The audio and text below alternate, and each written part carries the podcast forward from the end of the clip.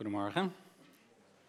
Wij uh, vervolgen inderdaad onze studie in de Timotheusbrief, 1 Timotheus 5. U mag het opzoeken. Ik had een uh, preek van ongeveer een uur voorbereid, maar door het kindermoment is dat, uh, kunnen we denk ik in de helft van de tijd af. Dankjewel voor die... ik wil niet te veel afdoen aan zo'n kernachtige samenvatting. Maar we gaan toch even ja, goed naar het hoofdstuk kijken. We hebben een wat langer hoofdstuk, of we lezen zelfs tot en met hoofdstuk 6, vers 2. Wat langer gedeelte. En um, ja, het eigenlijk er zijn een aantal behandelen van een brief, gewoon een Bijbelboek, die gewoon hoofdstuk voor hoofdstuk doorgaan. Um, nou, het zijn er meerdere, maar een van de mooie dingen daaraan is dat je het eigenlijk het hele onderwijs van God verkondigt. Ja, je hebt niet bepaalde passages die je dan overslaat, want je, komt ze gewoon tegen. Uh, en soms gaat het dan heel erg over de kern van het evangelie, zoals vorige week, Robert Bezemer hier. Echt de kern van het evangelie, Romeinen 3. Maar deze morgen um, gaat het niet zozeer over de kern van het evangelie, het is een heel praktisch gedeelte. We zijn echt in een praktisch deel van de brief. Het gaat eigenlijk over het gevolg van het evangelie. We moeten niet um, de link met het evangelie zeker niet missen. En daar gaan we ons best ook voor doen vanmorgen. Uh, en tegelijkertijd is het gewoon heel praktisch onderwijs. Um, en het tweede mooie eigenlijk van zo'n brief behandelen is dat je het ook in de context kan zien. we hebben nu vier hoofdstukken gehad. Dus je leest hoofdstuk 5 ook niet zomaar los, maar je leest het met in je achterhoofd. Uh, en daarom is het ook van belang om dat weer even terug te halen. Dat zal ik straks ook even doen. Uh, met in je achterhoofd ook de rest van de Timotheusbrief. Nou, als we gaan kijken, wat is, de, wat is eigenlijk het thema van die Timotheusbrief? En dan neem ik even de woorden van hoe de studiebijbel dat dan zegt. Die zegt, het ware evangelie zal, in tegenstelling tot dwaalleer, altijd leiden tot godsvrucht onder zijn aanhangers. Het evangelie leidt tot praktische, zichtbare verandering in de levens van hen die het geloven. Ofwel, uh, samengevat, het evangelie leidt tot godsvrucht. Nou, dat heeft u mij al vaker horen noemen vanaf deze plek. Dat is eigenlijk waar de hele Timotheusbrief over gaat. Uh, continu die oproep aan Timotheus, strijd tegen de dwaalleer, want die heeft allemaal slechte vruchten. En strijd voor de goede, de gezonde leer, het evangelie. Want dat evangelie, dat, dat gaat vrucht dragen, dat leidt tot godsvrucht. Nou, en dan de vorige keer, hoofdstuk 4, um, hebben we gekeken naar hele persoonlijke aansporingen aan het adres van Timotheus. Hè, oefen jezelf in de godsvrucht. Dat was heel persoonlijk van Paulus aan Timotheus. En deze uh, morgen, hoofdstuk 5, gaat dan weer wat meer over um, ja, de gemeente, hoe godsvrucht er dan uitziet in de gemeente. En in bijzonder drie subgroepen. En we komen zo meteen de weduwe tegen, de ouderlingen en de uh, dienstknechten of de meesters. Nou, en dan hoofdstuk 6 gaat dan weer verder. Maar dat is even heel kort de de context eigenlijk van, van dit gedeelte. We gaan lezen. 1 Timotheus 5, vanaf vers 1. En daarin zegt Paulus, vaar niet uit tegen een oude man, maar spoor hem aan als een vader. Jonge mannen als broers, oude vrouwen als moeders, jonge vrouwen als zusters in alle reinheid. En dan komen we bij de eerste subgroep. En alvast de vraag om tijdens het lezen even na te denken, wat is nou de link tussen deze verschillende subgroepen die we gaan behandelen? He, weduwe, ouderlingen en dienstknechten. Wat, is nou, wat linkt dat nou aan elkaar? Goed, vers 3. Houd weduwe, die werkelijk weduwe zijn, in ere. Maar indien een weduwe kinderen of kleinkinderen heeft, laten deze leren voor alles thuis godsvruchten beoefenen en aan hun voorgeslacht te vergelden wat ze aan hen te danken hebben. Want dat is goed en welgevallig in de ogen van God. Zij nu die werkelijk weduwe zijn, of eh, die werkelijk weduwe is en alleen is overgebleven, die hoopt op God en volhardt in smekingen en gebeden nacht en dag. Maar zij die haar lusten volgt, is levend dood. Beveel ook dit, opdat zij onberispelijk zijn. Maar als iemand de zijne, en vooral zijn huisgenoten, niet verzorgt, heeft hij het geloof verlogend en is hij erger dan een ongelovige. Een weduwe mag gekozen worden als zij niet jonger is dan 60 jaar en de vrouw van één man is geweest. Goed getuigenis heeft wat betreft goede werken. Of zij kinderen heeft opgevoed. Of zij vreemdelingen heeft geherbergd. Of zij de voeten van heiligen heeft gewassen. Of zij de verdrukte heeft bijgestaan. Of zij zich heeft toegelegd op elk goed werk. Maar neem een jonge weduwe niet aan, want als zij door het volgen van hun lusten zich afkeren van de dienst van Christus, willen zij trouwen en ontvangen zij het oordeel, omdat zij hun eerste trouwte niet gedaan hebben. En zo leren zij meteen ook om doelloos overal langs de huizen te gaan. En ze zijn niet alleen doelloos bezig, maar ze zijn ook praatziek. En bemoeien zich met zaken die hun niet aangaan. En praten over dingen die onbehoorlijk zijn. Ik wil dan dat jonge weduwen trouwen, kinderen krijgen, hun huis besturen en aan de tegenpartij geen aanleiding geven tot laster. Want sommigen hebben zich al afgewend de Satan achteraan. Als een gelovige man of gelovige vrouw weduwe in de familie heeft, laten zij die bijstaan en laat de gemeente daarmee niet belast worden, opdat die hulp kan geven aan hen die werkelijk weduwe zijn. Volgende subgroep, de ouderlingen. Laat ouderlingen die goed leiding geven dubbele eerwaard geacht worden. Vooral degenen die arbeiden in het woord en in de leer. Want de schrift zegt, een dorstende os mag u niet muilbanden. En de arbeider is zijn loon waard. Neem tegen een ouderling geen beschuldiging aan, tenzij er twee of drie getuigen zijn. Wijs hen die zondigen in tegenwoordigheid van allen terecht, opdat ook de anderen vrees zullen hebben. Ik bezweer u ten overstaan van God en de Heer Jezus Christus en de uitverkorene engelen, dat u deze dingen in acht neemt zonder vooroordeel en zonder iets uit partijdigheid te doen. Leg niemand haastig de handen op en heb geen deel aan de zonde van anderen, maar bewaar u zelf rein. Drink niet langer alleen water, maar gebruik een kleine hoeveelheid wijn voor uw maag en voor uw veelvuldige kwalen. Van sommige mensen zijn de zonden overduidelijk en gaan die aan hun veroordeling vooraf. Bij anderen komen zij achteraf openbaar. Evenzo zijn ook de goede werken overduidelijk en die waarmee het anders gesteld is, kunnen niet verborgen blijven. De derde subgroep.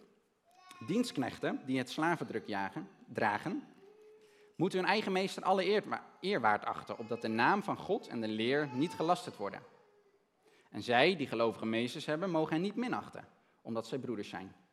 Zij moeten hen juist des te meer dienen, omdat zij gelovig en geliefd zijn en mede deel hebben aan deze weldaad.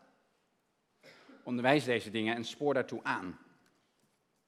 Nou, dat hopen we te gaan doen vanmorgen. Om maar meteen eigenlijk de vraag te beantwoorden die ik stelde, wat linkt nou deze drie gedeelten? Uh, en dat is eigenlijk meteen een sleutel. Dus daar wil ik mee starten. We gaan zo meteen gewoon beginnen bij vers 1. Maar, maar die sleutel, dat is dat woordje eer. En misschien was het al opgevallen. Lees nog maar mee, als die in vers 3, dan gaat het over de weduwe hebben. Dan zegt hij, houd weduwe die werkelijk weduwe zijn in ere. Ofwel eer de weduwe. En als hij dan, nou gaat over de weduwe vertellen, en dan gaat hij vanaf vers 17 over de ouderlingen vertellen. En dan zegt hij, laat ouderlingen, die goed leiding geven, dubbele eer waard geacht worden. Nou, dan heeft het over de ouderlingen. En dan hoofdstuk 6, vers 1, dienstknechten die het slavendruk jagen, slavenjuk dragen, het is een moeilijke, um, moeten hun eigen meester alle eer waard achten. Dus drie keer komt dat woord eer terug. En eigenlijk, wat je eigenlijk Paulus hier ziet doen, is dat hij een, een soort algemeen principe neemt over dat eren. En dat past hij dan toe op verschillende subgroepen. Van hoe ziet het, het eren, iemand eerwaard achten, hoe ziet dat er nou uit? Nou, daar gaan we zo meteen naar kijken en dat is al een beetje in het kindermoment naar voren gekomen.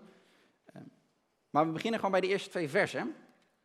Want daarin legt Paulus eigenlijk een uh, ja, soort algemene omgangsvormen, uh, stelt hij daar. Van hoe moet Timotheus met de gemeente omgaan?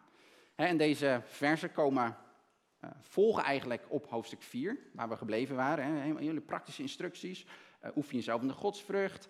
Uh, um, veronachtzaam de genadegaven niet. Overdenk deze dingen, leef erin. Geef acht op jezelf op de leer. En dan eigenlijk in één keer door. Vaar niet uit tegen een oude man. Hoofdstuk 5 vers 1. En eigenlijk lijkt het gewoon een volgende instructie te zijn. En toch hebben de Bijbelsamenstellers een, een hoofdstuk hier een, een, ja, ingevoegd. En hebben gezegd, ja, maar er is toch je gaat toch van hoofdstuk 4 naar hoofdstuk 5. En dat is natuurlijk niet in de oorspronkelijke tekst, dat is later toegevoegd, die hoofdstukken. Maar dat is ook niet helemaal voor niks. Um, want als je kijkt naar het hele stuk zo leest, dan, dan zul je zien dat de, de focus ook verplaatst. in hoofdstuk 4 gaat de focus van Paulus echt op Timotheus persoonlijk. Van Timotheus, dit moet je persoonlijk doen. En dan vanaf hoofdstuk 5 gaat de focus naar de gemeente. En Timotheus, hoe moet je nou je verhouden tot de gemeente. En hoe moet je dat nou zien? Hoe moet je met die mensen omgaan? Nou, zodoende is daar een, een scheiding gemaakt. En dan zien we dus eerst eigenlijk een algemene omgangsvorm. En dan zegt hij, vaar niet uit tegen een oude man. Dat, dat nou, houdt zoveel in als, als, uh, nou, als er een oudere man correctie nodig heeft. Ga, dan niet heel hard vochtig of heel hard uh, terechtwijzen. Want dat zou niet passend zijn. Een paar versen ervoor hebben we gelezen dat Timotheus jong was, een jeugdige leeftijd had. En dat zou dus nou ja, vanuit een zeker respect voor ouderen, zou dat niet netjes zijn als, een soort jeugdige felheid ongepast zou zijn. Maar dat betekent niet dat, dat die ouderen geen correctie nodig hebben. Nee, Paulus gaat een principe leren aan Timotheus. Hij zegt namelijk, een oude man moet je aansporen. En dat woord aansporen, dat, dat, is een, nou, dat komt heel vaak voor, zeker in de Timotheusbrief, maar breder. Parakalei, misschien heeft u het wel eens gehoord. Uh, betekent als bemoedigen, uh, troosten wordt het ook wel mee vertaald. Vermanen, maar aansporen is misschien de beste vertaling. Het is een hele positieve manier van, hé, hey, ik, ik, sta achter je, ik, maar you can do better. Je, kom op, ga ervoor.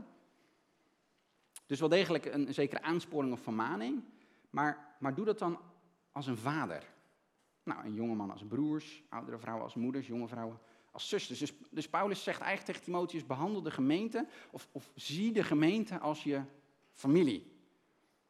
Nou, daar ging het kindermoment ook uitgebreid over. Voor ons best een bekend beeld, denk ik. Zeker als je in de kerk bent opgegroeid. Ehm, dat de kerk, ja, dat dat je broers en zusters zijn. We zeggen het hier ook wel eens tegen elkaar. Maar voor die mensen was dat niet per se een heel bekend concept. De familieband was heel belangrijk. Zeker in, in, in die cultuur, maar ook gewoon in de Bijbel, in het Oude Testament, zie je een hele uh, heilige plaats eigenlijk voor je familie, je biologische familie. Dat was een heel bekend concept, maar dat idee dat je andere mensen ook als familie kon zien, dat was relatief nieuw. In die zin, dat heeft Jezus eigenlijk geïntroduceerd. Um, misschien herkent u de geschiedenis, dat op een gegeven moment, daar komt de menigte bij en die zegt, eh, Heer Jezus, uw, uw broers en uw moeder zijn naar u op zoek. En dan zegt de Heer Jezus, wie zijn mijn broers? Wie is mijn moeder? Degene die de wil doen van mijn vader. Dat zijn mijn broers, dat zijn mijn moeders, dat zijn mijn zusters. En, en de Jezus introduceert daar eigenlijk een, ja, dat, dat concept, dat, die metafoor, dat voorbeeld van familie. Dat wij als christenen dezelfde vader hebben. En Jezus introduceert God ook als vader, komt ook in het Oude Testament wel voor, maar, maar Jezus die, die legt er echt nadruk op dat, dat God onze vader is en we daardoor familie van elkaar zijn. Nou, prachtig beeld. Uh, Paulus in de Timotheusbrief heeft het wel vaker, ook in hoofdstuk 3, over dat, dat de gemeente van God is het huisgezin van God. Dus dat was gewoon de, de, familie. Je woonde in die tijd en nou, in die cultuur gebeurt dat nog steeds wel. Was het huisgezin, dat was, dat was vader, moeder en opa, en oma woonden vaak nog in hetzelfde huis.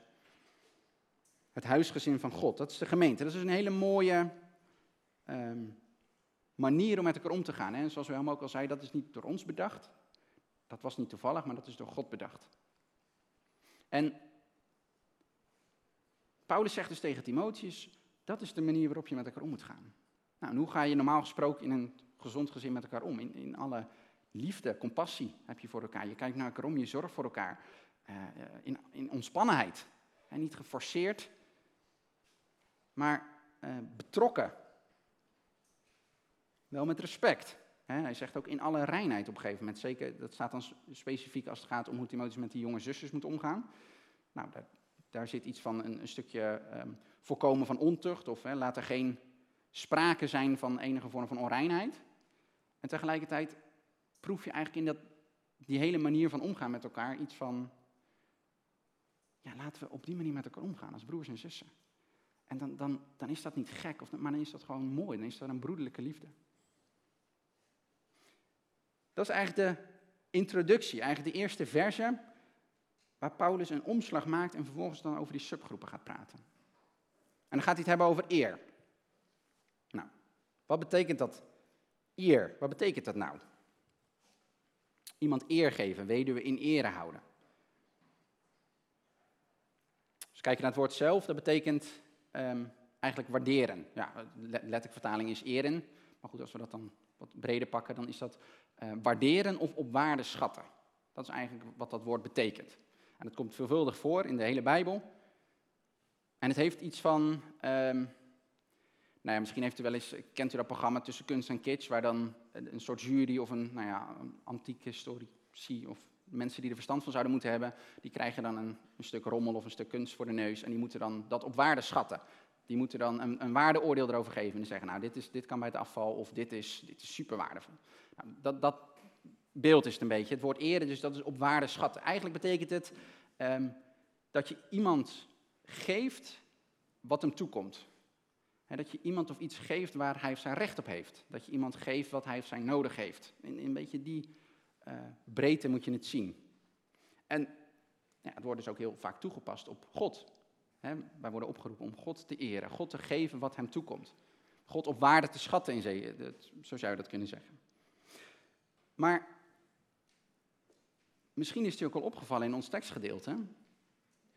Dat lijkt behoorlijk over geld te gaan. over het stuk weduwe, dat lijkt over financiële ondersteuning van weduwe te gaan. En bij die, bij die ouderlingen uh, gaat het over de, de dorsende os mag in die mijlbanden, de arbeider is zijn loon waard. Dat lijkt daar ook over financiën te gaan. Wat heeft dat dan met ere te maken? Nou, dat heeft heel veel met ere te maken. Ere wordt namelijk, als je in de breedte van de Bijbel gaat kijken, heel vaak uh, in verband gebracht met praktijk. Ere is niet iets wat, wat wij misschien kennen als, ja, ik heb respect, een soort, soort mondeling eerbetoon. Ere in de Bijbel is praktisch. Dat betekent dat je iemand geeft wat hem of haar toekomt. Letterlijk in, in financiële zin, of in, als het gaat om bezit of erfbezit, had je, eh, in het Oude Testament komt dat wel voor. Het is heel praktisch. En om eigenlijk dit gedeelte goed te begrijpen, um, wil ik daar toch even op inzoomen. En dan gaan we Matthäus 15 bijpakken. Dan mag u opzoeken. Matthäus 15. Daar gaat het namelijk ook over eren. Daar heeft de Heer Jezus zelf over eren.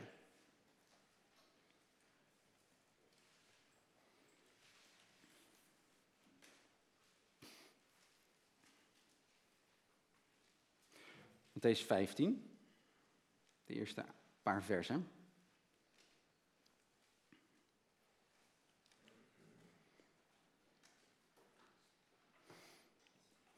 Er staat, toen kwamen enige schriftgeleerden en fariseeën uit Jeruzalem bij Jezus en zeiden, waarom overtreden uw discipelen de overlevering van de ouder?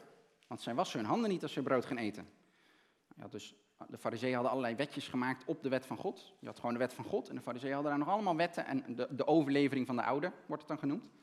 Had allerlei wetjes erbij, onder andere dat je dus je handen moest wassen. En nou, de fariseeën die traden dus ook op als religieuze politie, om als mensen dat niet deden, om nou ja, daarop in te springen.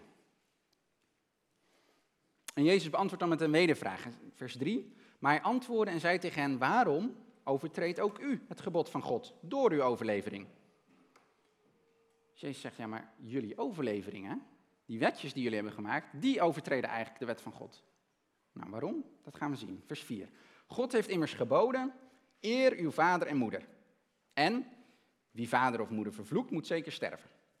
Dat was duidelijk, dat was gewoon de wet. Daar was iedereen het over eens. Dat had Mozes gezegd, eer uw vader en uw moeder.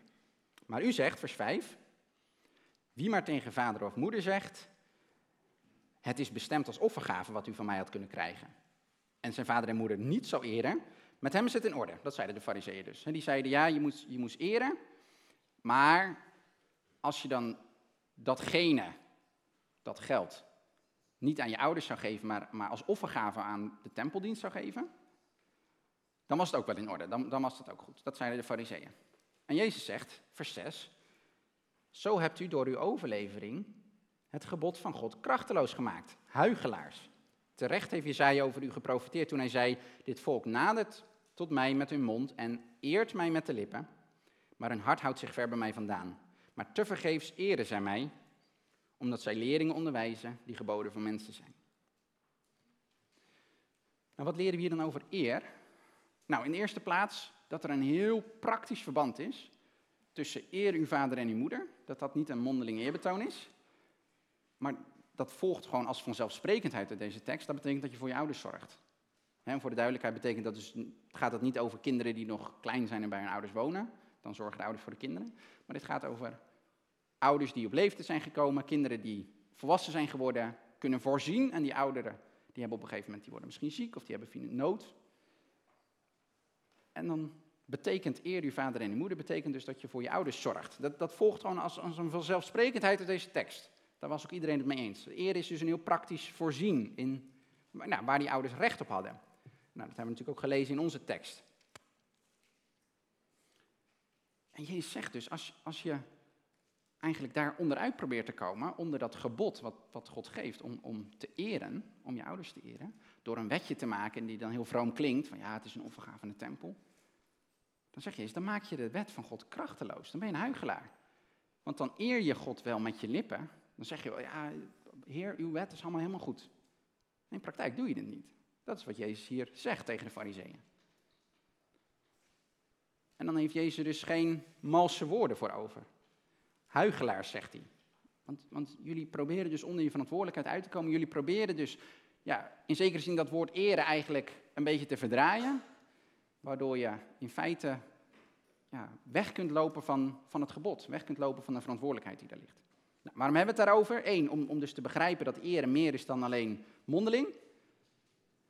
Maar twee, ook omdat het, en dat is u wellicht al opgevallen, een hele duidelijke link heeft met ons gedeelte over weduwen. Gaan we weer terug naar 1 Timotheüs 5.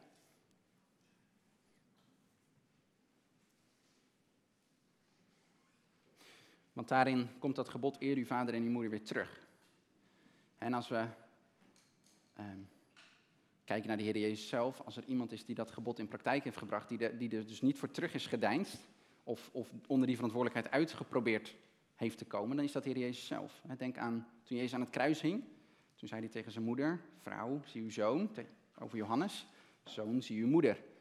En daarmee bedoelde hij, Johannes, jij mag nu de verantwoordelijkheid die ik had voor mijn moeder, om voor mijn moeder te zorgen. En waar Jozef was in het verhaal, dat is niet helemaal duidelijk. Maar Jezus hing aan het kruis. Je zou in onze tijd misschien heel oneerbiedig zeggen, hij had wel andere dingen aan zijn hoofd. En toch neemt hij de verantwoordelijkheid om voor zijn moeder te zorgen op dat laatste moment, als hij dat dus niet meer kan. Dus hij eert zijn moeder. Nou, en dat principe is wat Paulus nu ook eigenlijk gaat meegeven, gaat uitpakken als het over de weduwe gaat. En wat we gaan proberen is ehm, deze morgen, het zijn drie subgroepen. En wat ik eigenlijk wil voorkomen is dat we weglopen en denken, oh ja, dat voor weduwe en welke weduwe wel, welke weduwe niet. Oh ja, nou, dat is leuk onderwijs. Kan ik niet zoveel mee, maar ga ik weer naar huis. Nee, wat ik wil proberen is het principe wat hieronder ligt, van waarom, wat bedoelt Paulus nou precies? En waar komt Paulus nou vandaan? En welk principe past hij toe op die verschillende subgroepen? En als we ons dat eigen kunnen maken, dan kunnen we dat vervolgens zelf ook toepassen op de situatie in ons leven. En op de plekken waar wij zijn. En daar zitten heel veel principes in. Vers 4. Of uh, ja, vers 3 en 4. Houd weduwe die werkelijk weduwe zijn in ere. Dat veronderstelt dus dat er weduwen waren die niet werkelijk weduwe zijn. Nou, wat bedoelt hij daarmee? Namelijk weduwen die gewoon nog eigen kinderen hadden. Nou, weduwen in die tijd, dat waren uh, ja, eigenlijk kwetsbaren, kansarmen. Als je daar weduwe was, en zeker als je al op leeftijd was gekomen, dan had je geen mogelijkheid om te voorzien in je levensonderhoud. Zo werkte dat in die cultuur. En je ziet ook eigenlijk dat God een hele grote plaats in zijn hart heeft voor weduwen. Weduwe, wezen, vreemdelingen, komt heel veel voor. In het Oude Testament ook, eh, dan is eigenlijk de zorg voor weduwe, wezen en vreemdelingen, dat is eigenlijk een indicator van, van rechtvaardigheid. Als je dat deed, dan was je rechtvaardig. Als je dat niet deed, of als die weduwe uh, uitgebuit werden, dan was God er heel fel op. Dan, dan was dat een hele duidelijke indicator dat er iets helemaal goed mis was. Dat er bloed aan je handen zat. Want je buiten de weduwe, de kwetsbare buiten je uit. God heeft dus een hele. Um, ja, is eigenlijk heel fel op als, als kwetsbaren worden uitgebuit. Als mensen hun verantwoordelijkheid niet nemen in de zorg voor de kwetsbaren. En dan zegt Paulus dus, die weduwen, die werkelijk weduwe zijn, moeten inderdaad in ere gehouden, maar er waren dus ook weduwen die kinderen hadden. En dan was dus de bedoeling dat die kinderen eerst godsvrucht gingen beoefenen. Nou, we hebben het net over gehad, hè? eer uw vader en uw moeder. Dat is het principe wat, waar Paulus nu, uh, die Paulus nu aanhaalt. Vergelden wat ze aan te danken hebben. Uh, nou, als je op een gegeven moment, nou, als je jong bent, dan heb je dat misschien niet zo door, maar als je op een gegeven moment wat ouder wordt en je wordt volwassen en je gaat nadenken over oh, de offers die je ouders gebracht hebben voor je, dan is het heel logisch, heel passend dat je, dat je daar vergelding voor geeft. Dus Paulus leert daar een principe. En hij zegt er dan bij, want dat is goed en welgevallig in de ogen van God. En daar moeten we het even over hebben, want dat zijn we nu vaker tegengekomen in de Timotheusbrief. 1 Timotheus 2 onder andere, ging over dat is goed en welgevallig. En eigenlijk elke keer als het over die godsvrucht gaat, dan refereert Paulus daarnaar. Van hé, hey, dit, zijn niet, dit zijn niet mijn ideeën, dit zijn ideeën van God. Dit is wat God goed en welgevallig vindt. En daarom doen we dat. En als we het dan hebben over dat ere betekent dat je iemand geeft waar hij of zij recht op heeft, dan moeten we goed weten dat, dat wie bepaalt waar iemand recht op heeft. Dat is dan natuurlijk de volgende vraag. En dat zijn niet wij, dat is God. God bepaalt waar iemand recht op heeft. Dus God bepaalt onze verantwoordelijkheid. Nou, wat bedoel ik daarmee? Als we gaan kijken naar uh, de Bijbel, als het gaat over rechten. In onze tijd is, zijn we heel erg op zoek naar welke rechten heb ik allemaal. Nou, in de Bijbel kom je dan vaak van een koude kermis thuis, want over het algemeen gaat het daar over je verantwoordelijkheden. Als de Bijbel schrijft over uh, welke plichten je eigenlijk hebt richting anderen, welke plichten je hebt richting weduwen, wezen en vreemdelingen. Dan kan je weliswaar ook uithalen welke rechten die weduwen dan hebben, en welke rechten die vreemdelingen dan hebben. Um, en zeker ook als je helemaal terug gaat naar het wetboek, de eerste vijf boeken van de Bijbel, waarin uh, God eigenlijk de wet geeft voor het land Israël. Zoals wij ons burgerlijk wetboek hebben, met hele brede wetten, ook over hele gangbare zaken, over hoe je handel moest drijven en over hoe je je akker moest oogsten. Dan komen we daar ook bepaalde rechten tegen. Bijvoorbeeld over, eh, een voorbeeld over hoe je de akker oogst. Je mocht dus de laatste strook van je akker mocht je niet oogsten. Want die moest je laten staan en alles wat op de grond viel moest je laten liggen. Want dat moesten de, konden de weduwen en de vreemdelingen konden dat dan verzamelen. En die konden op die manier voor hun eigen levensonderhoud uh, zorgen. Stond overigens niet dat alles geoogst moest worden en dat je dan het netjes verpakt en afgebakken als brood aan de weduwe moest geven. Stond, je moest het laten staan zodat de weduwe de mogelijkheid hadden om voor hun eigen voedsel te kunnen voorzien. En daar kom ik zo misschien nog wel even op terug. Dus bepaalde rechten die, die God geeft in zijn woord, en nu ook als het gaat over weduwen, maar ook bepaalde plichten die daar dus bij horen. je ouders hebben uh, eigenlijk het recht, als je je ouders eert, je geeft ze waar ze recht op hebben, als kind, dan hebben ze dus recht op jouw verzorging. Dat is eigenlijk wat. Zo zegt God, dan is het goed en welgevallig. Dat is de manier waarop ik het leven bedoeld heb. Waarop, waarop het leven floreert. Als we zo met elkaar omgaan. En dat is wat, wat we ook vanmorgen ehm, hopen te raken. Van dat we de link naar het, naar het evangelie niet verliezen. En, en niet denken van, oh, dit zijn gewoon allemaal losse vlodders met, met allemaal do's en don'ts, wat je wel niet moet doen en niet moet doen. Maar dat we begrijpen van, waarom zegt Paulus dit nou allemaal? Is dat Paulus hier eigenlijk leert om, als je eenmaal dat evangelie hebt begrepen, als je God hebt leren kennen, als je God hebt gezien en Gods hart hebt gezien, dan gaat dat vrucht dragen. Dan gaat dat in praktijk, ga je ook willen doen wat, wat God van je vraagt. Dan willen we niet meer zelf bepalen wat goed en welgevallig is, maar dan willen we doen wat God zegt dat goed en welgevallig is. En daar gaat Paulus zo sterk op in, in vers 8. En dat is een tekst die u misschien wel eens vaker gehoord hebt, misschien ook buiten deze context. Vers 8. Maar als iemand de zijn en vooral zijn huisgenoten niet verzorgt, heeft hij het geloof verlogend en is hij erger dan een ongelovige. Dat is nogal wat. Erger dan een ongelovige. En Paulus zegt dus, als je je ouders niet eert, als je niet aan dat basisgebod houdt, wat we ook een beetje bij Jezus proefden, hè, dat is een basisgebod. Als je dat niet doet, dan heb je het geloof verlogend en ben je erger dan een ongelovige. En hier zien we dus eigenlijk dat, dat ethiek, dus, dus hoe je handelt, je praktijk van je leven, wat je wel en niet doet, wat je doet en nalaat, dat is uiteindelijk de testgrond van, van je leer, van je geloof. Wat je doet in je, in je ethiek, wat, wat je goed en fout vindt, wat je, wat je daadwerkelijk in je leven laat zien, dat is de testgrond van je leer. En je kan hele, hele goede leer hebben en hele goede argumenten, misschien nog allerlei bijbelversen, zoals die fariseeën dat hadden.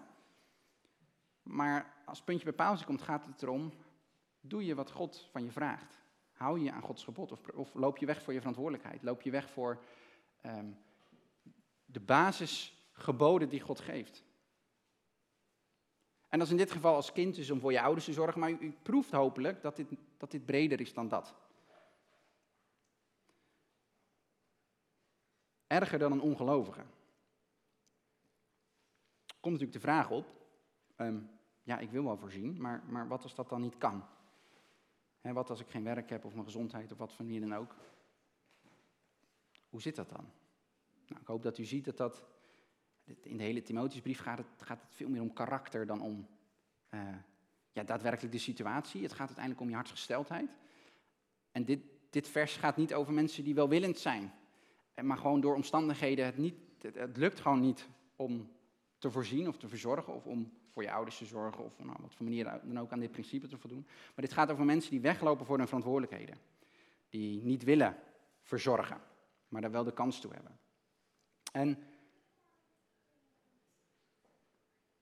Dat mogen we dichtbij laten komen, want dit zit niet voor niks zoveel kracht in dit vers. Het is niet voor niks dat Paulus er zo, dat zo scherp neerzet. Erger dan een ongelovige. Ik denk dat als we dat dichtbij laten komen, dan rijst ongetwijfeld de vraag op wie, wie zijn dan de zijnen? Wie zijn dan de mijnen? voor wie ben ik dan verantwoordelijk om voor te zorgen? Er staat, als iemand de zijnen en vooral zijn huisgenoten niet verzorgt. Nou, zijn huisgenoten slaan dus op zijn huis, zoals dat in, dat in die tijd gebruikelijk was. Daar zaten dus je ouders bij. Maar goed, denk ook aan vrouw en kinderen of aan... Dat is je huis, maar dat is dus blijkbaar breder dan dat. De zijnen, ik ga even mijn jasje uitdoen, want ik heb het heel erg warm. Um, wie zijn dan de mijnen, kan je afvragen. En ik denk dat je de vergelijking misschien al hoort met de vraag, wie is mijn naaste? Misschien kent u die vraag van de fariseeën die aan Jezus stelden, wie is dan mijn naaste? Ja, ik moet barmhartigheid betonen aan mijn naaste, maar wie is dat dan? En die fariseeën wilden dat zo klein mogelijk houden.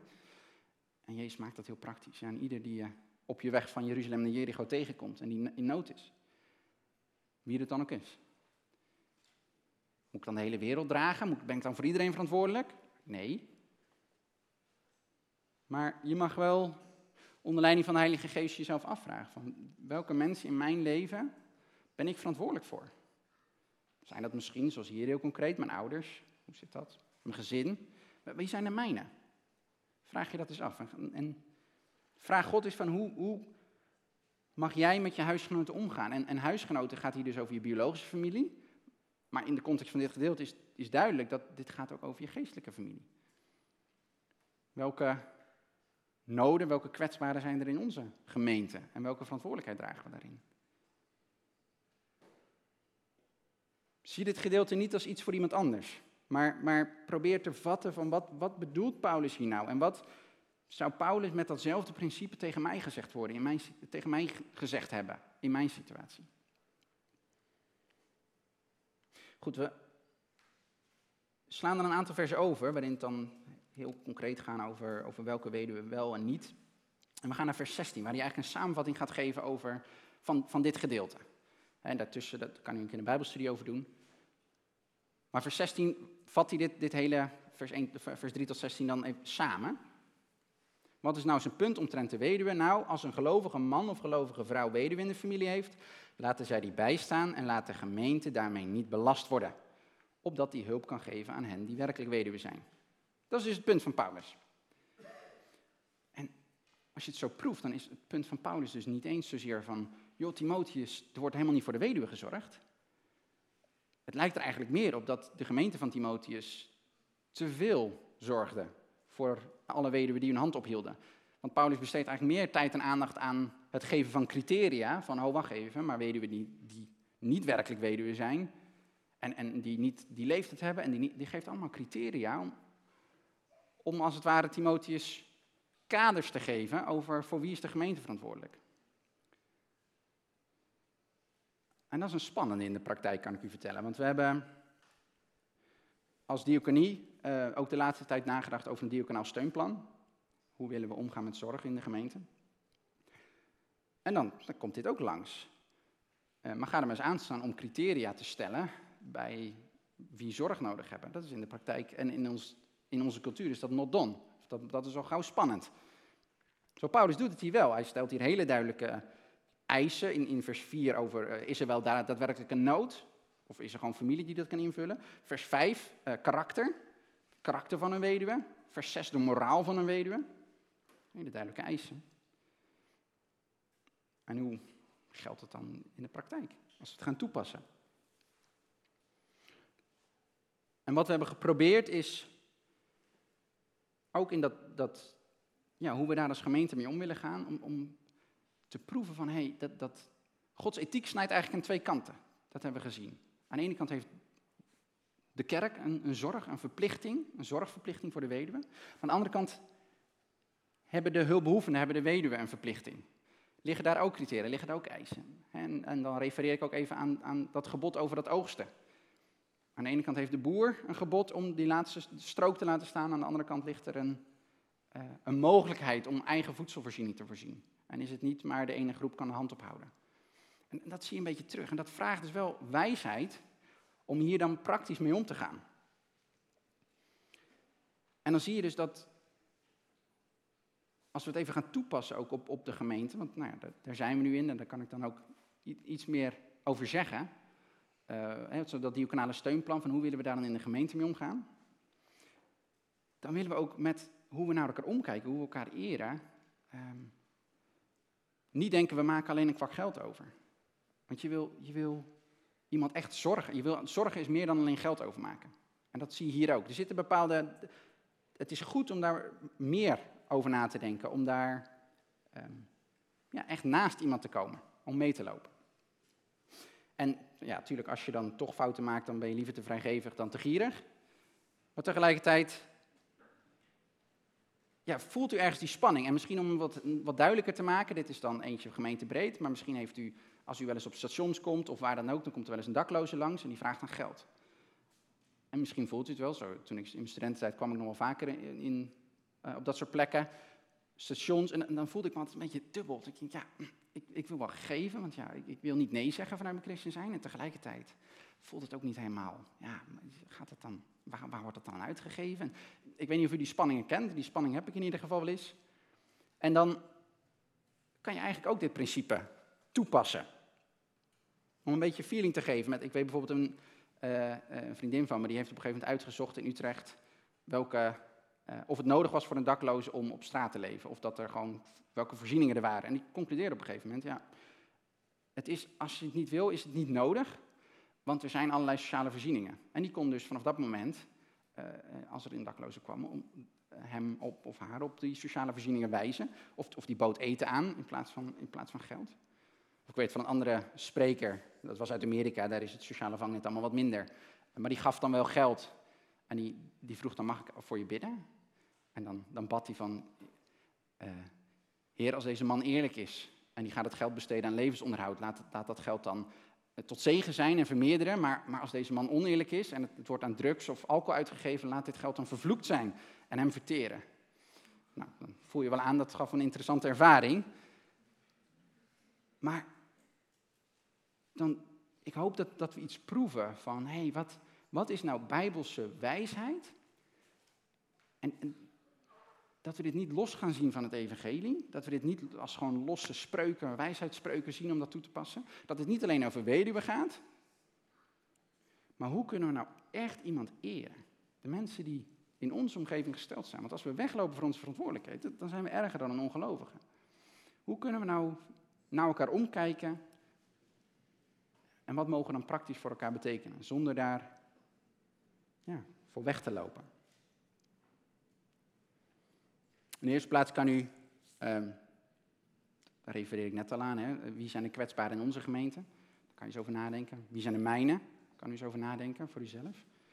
Um, het schiet me nog te binnen, dat, waar ik het net over diaconaal steunplan heb, dat, dat ik ook wil aanmoedigen dat als er een nood is, als er een zorg is, om daar dan ook ja, mee te komen. Zodat we ook de kans hebben om elkaar te helpen en dan komen we niet met een hele lijst met criteria waar we allemaal aan moeten voldoen, absoluut niet. Maar ja, dan willen we wel naast je lopen. Goed, nog een andere toepassingsvraag. Hoe zorg jij voor bijvoorbeeld je ouders, als we het heel concreet houden? En misschien zijn jouw ouders financieel wat welgestelder dan jij. Um, zijn de noden misschien niet zozeer financieel, maar misschien meer relationeel?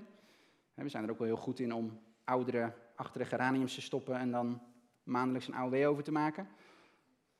Alles om over na te denken, om met, met de Heilige Geest in je hart zicht te geven en tot je te laten komen. Waar ligt mijn verantwoordelijkheid? Goed, ik vermoed al dat de volgende twee subgroepen iets minder tijd voor zouden zijn, maar dat is ook niet heel erg, want eigenlijk is het een soort herhaling van zetten. Wat we gaan, gaan zien is dat dit principe wat Paulus nu op de weduwe heeft toegepast, dat gaat hij vervolgens ook toepassen op de ouderlingen. Waar hebben de ouderlingen recht op? Nou, we gaan er heel snel doorheen en dan stuur ik u huis met misschien nog wat handvatten om er zelf dan verder in te duiken. Wat hebben ouderlingen nou nodig? Nou, die hebben financiële vergoeding, is heel normaal. Een dorsende os mag je niet melbanden. Als er een os was die uh, jouw graan aan het, uh, de, het graan of de, de, korrel van de aar aan het scheiden was, die was heel hard aan het werk, mocht je niet een melband om zijn gezicht doen. Hij mocht gewoon eten van dat graan wat hij aan het arbeiden was. Heel bekend principe in de Bijbel dus als een, als een ouderling geestelijk werkt, mag hij ook stoffelijk oogsten. Dus wat Paulus in 1 Korinthe 9 onder andere uiteenzet. Dus zodat oudsten vrijgezet worden. En een woord wat je dan misschien tegenkomt is het woord honorarium. Dat is, daar zit dat woord honor, dat woord eer en zit daarin. En dat is eigenlijk als je iemand een financiële vergoeding geeft voor een bewezen dienst, maar gewoon wel vrijwillig. Dat is een honorarium. Dus nou, dat heeft wel verband met waar we het nu over hebben. Je, je geeft iemand waar hij of zij recht op heeft. Nou, dat geeft Paulus hier mee. Ouderlingen die goed leiding geven, hebben daar recht op. En die worden dubbele eerwaard geacht. Nou, waar hebben ze nog meer, wat hebben ze nog meer nodig? Uh, een zekere bescherming voor hun taak. Een zekere bescherming tegen valse beschuldiging. Het zijn publieke figuren, dus, dus er moet een zekere bescherming zijn, zodat ze hun werk kunnen doen. Die bescherming gaat niet oneindig, want het kan zijn, ondanks dat, ze, dat je ze zorgvuldig wil kiezen, 1 Timotheüs 3, vereisten voor opzieners en diakenen. Het kan wel zijn dat ze zondigen. En als ze dan zondigen, wijzen ze dan ook publiek terecht, zegt vers 19. Dus het gaat niet, niet oneindig, maar er zit wel een factor in, wat hebben ze nou nodig? Ze hebben een zekere bescherming nodig. En dat is ook hè, de, de, mogelijkheid dat die, dat die ouderlingen zondig is ook de reden waarom Paulus daarna zegt, Timotheus legt niet te haastig handen op, wees daar voorzichtig mee. Geef het eens een tijdje. Kijk eerst of iemands karakter inderdaad voldoet aan de vereisten. sommige zonden zijn heel snel, dan hebben we het over de laatste versie van hoofdstuk 5. Sommige zonden zijn heel zichtbaar, eh, andere duren wat langer. En zo ook met goede werken. Maar als je iemand lang genoeg de tijd geeft, zul je gaan ontdekken of iemand goede werken of, of dat iemand zonde koestert. Dat is zo'n beetje wat de laatste stuk van, van hoofdstuk 5 is. Als we dan heel kort nog even kijken naar de meesters en de dienstknechten, hetzelfde principe. Waar heeft de meester recht op? En daar mag je gewoon werkgever van maken hoor. Dienstknechten of werknemers, die moeten hun eigen werkgevers alle eer waard achten. Maar heeft een werkgever recht op nou dat je je werk gewoon goed doet? Dat je trouw bent, dat je niks ontvreemdt. Als we het parallelgedeelte uit Titus pakken, dan staat er vermaand slaven dat zij hun eigen meester onderdanig zijn. En dat zij in alles hun welbehagelijk zijn, zonder tegen te spreken. Dat ze niets ontvreemden, maar hun alle goede trouw bewijzen. Opdat zij het onderwijs van God onze zaligmaker in alles tot sieraad mogen strekken. Nogmaals, hetzelfde principe. Maak het je eigen. Geef mensen waar ze recht op hebben. Waarvan God zegt, waarvan God heeft bepaald, zo is het goed en welgevallig. Op deze manier wil ik dat je met anderen omgaat. En dan gaan we, dan gaan we eigenlijk afsluiten door weer terug te gaan naar die eerste twee versen. Hoe gaan we met elkaar om? Hoe kan je nou elkaar eren? Hoe kan je die eer nou toepassen in je eigen leven of in de gemeente? Zie je elkaar als familie. Laten we op die manier naar elkaar omkijken. Op die, op die manier met elkaar omgaan. En al die elkaar-uitspraken in de Bijbel, dat zijn er nogal wat. Hè? Verdraag elkaar zoals Christus u verdragen heeft. Heb elkaar lief zoals Christus u lief heeft. Uh, vergeef elkaar, uh, bouw elkaar op. Heel veel elkaar-uitspraken. Die staan eigenlijk ja, vrijwel altijd in verband met verdraag elkaar zoals Christus u verdragen heeft. Heb elkaar lief zoals Christus u lief gehad heeft. Het komt allemaal voort uit als we dat evangelie gaan begrijpen, hè, zoals dat ook vorige week hier werd verkondigd, als we gaan begrijpen hoe schuldig we staan tegenover God en dat God toch naar ons omziet en ons tot zijn kind wil aannemen. Als we dat gaan begrijpen, dan, dan gaat er iets veranderen. Dan gaan we rein willen leven zoals hij ook rein is, zegt Johannes. Dan gaan we naar anderen kijken zoals God naar anderen kijkt. Dan gaan we ja, met, met Gods ogen, met diezelfde genade, met diezelfde liefde willen we dan ook naar anderen kijken. Omdat we vrijgezet zijn. We hoeven niet meer onze eigen status op te houden, hebben we vorige week uitgebreid gehoord. We zijn vrijgezet. En dan hoop ik dat hij iets uh, ziet of iets, iets gaat zien over hoe zou het zijn als we als gemeente op die manier met elkaar omgaan. Als we inderdaad echt naar elkaar omkijken. Als we echt, echt eens nadenken, de tijd ook nemen. Hey, wat heeft die ander van mij nodig? Hey, in welke mensen mag ik misschien investeren? Naar welke mensen mag ik uit, mezelf uitstrekken? Die manier als broeders en zusters samen te worden, want dat is goed. Daar gaan we ook van zingen. Namelijk Psalm 133. Als je ziet hoe goed, hoe liefelijk het is. Als zonen van hetzelfde huis, als broeders samenwonen. Dat is iets moois. Daar het liefdevuur niet wordt gedoofd. En waar liefde woont, daar gebiedt de Heer den zegen. Amen.